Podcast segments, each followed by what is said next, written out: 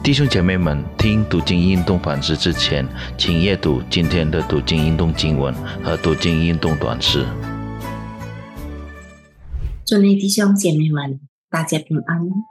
今天我们要思想的题目就是“崇高的使命”，是从以赛亚书第六章。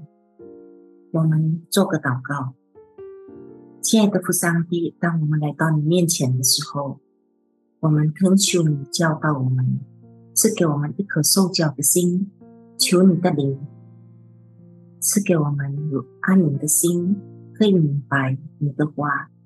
我们将祷告奉主耶稣的名，阿门。首先，我们读一段经文，是有以赛亚书第六章第八节。我听见主的声音说：“我可以差遣谁呢？”谁肯为我们弃呢？我说：“我在这里，请差遣我。”在这世上是什么使我们感到自豪？有些人是因为他的才华、地位，或者在生活中取得好的成就。作为信徒，是什么让我们引以为荣呢？我们是否曾经因为上帝呼召我们做他的施工而感到自豪吗？显然，极少的信徒在侍奉上帝中感到自豪。在实行教会的生活时，许多信徒拒绝参与侍奉的工作，尤其是。如果在侍奉上需要很重的责任感，比如说成为教会的职位或指示，许多人拒绝像那样的责任。今天的经文记载以赛亚先知得到的意象，这个意象很清楚。并且是发生于他清醒的时候。他说：“那一向放射于乌西亚王去世的年代，以赛亚先知看见上帝坐在高高的宝座上，他的衣裳垂下，遮满圣殿。”萨拉夫们站立在宝座四周，各有六个翅膀，两个用来遮脸，两个用来遮脚，两个用来飞翔。萨拉夫们遮脸是因为无法瞻仰圣洁的上帝，他们也遮脚为隐藏。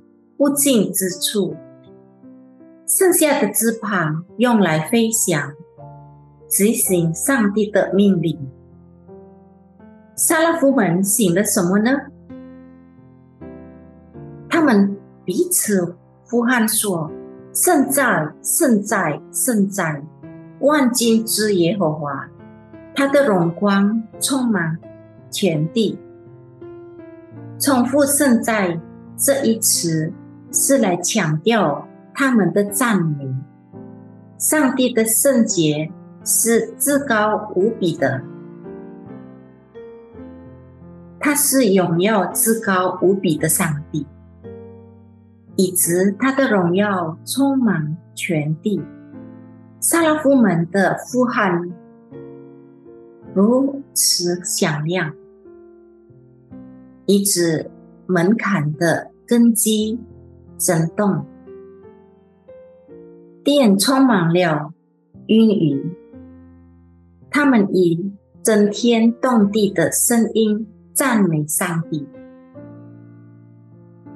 此一项使以赛亚醒悟到，他在上帝面前是多么的卑微。他是罪人，他是嘴唇不洁的人。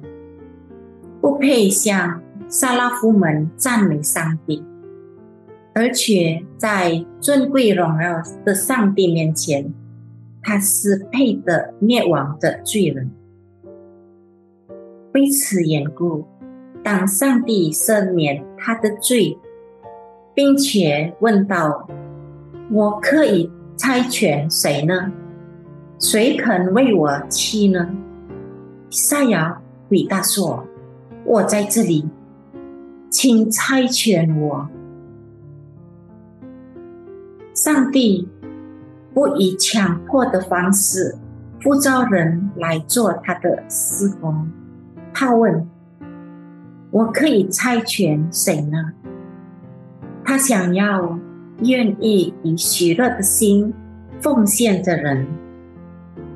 每个人信到上帝的圣洁、荣耀的人将回答说：“我在这里，请差遣我。”亲爱的弟兄姐妹们，你愿意像以赛亚怎么回答上帝呢？我们做个祷告，亲爱的父上帝，当我们来到你面前，你再次提醒我们，你是圣洁，我们是不配的。可是当你要拣选我们，求主你帮助我们有一颗谦卑的心、愿意的心、喜乐的心回答你。主啊，我愿意，请你差遣。我们将祷告，奉主名求，阿门。上帝祝福大家。